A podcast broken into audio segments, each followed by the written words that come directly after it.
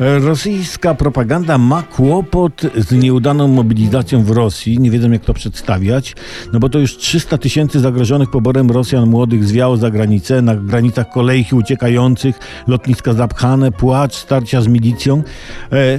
I moim zdaniem rosyjscy propagandyści powinni wykorzystać te filmy do swojej narracji, prawda? Na przykład w formie, no nie wiem, rosyjskiej kroniki radiowej, prawda? Na przykład tak, to już kolejny miesiąc zwycięskiej trzydniowej operacji specjalnej w Ukrainie. Prezydent Putin ogłosił mobilizację, aby umożliwić nie tylko wybranym, ale także szerszym rzeszom Rosjan zasmakowanie zwycięstwa.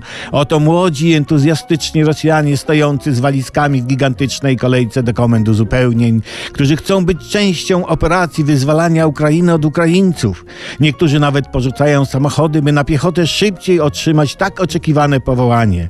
Inni wsiadają do samolotów, by jak najszybciej dotrzeć na front. Entuzjazm jest tak wielki, że w niektórych miejscowościach doszło do walk z milicją, byle tylko być pierwszym w kolejce. Gdzie nasze wezwanie? Gdzie nasza kolej? krzyczą młodzi z niecierpliwości. Zapał jest tak wielki, że w kilkunastu miejscach spłonęły od patriotycznego żaru komendy uzupełnień. Niektórzy mężczyźni płaczą. Niestety, ochotników było tak wielu, że nie zmieścili się w pierwszym rzucie. Oto płaczą też kobiety, to z żalu i pocieszają synów i mężów, którzy muszą jeszcze czekać na powołanie. Patriotyczny pęd do mobilizacji ma także podłoże duchowe.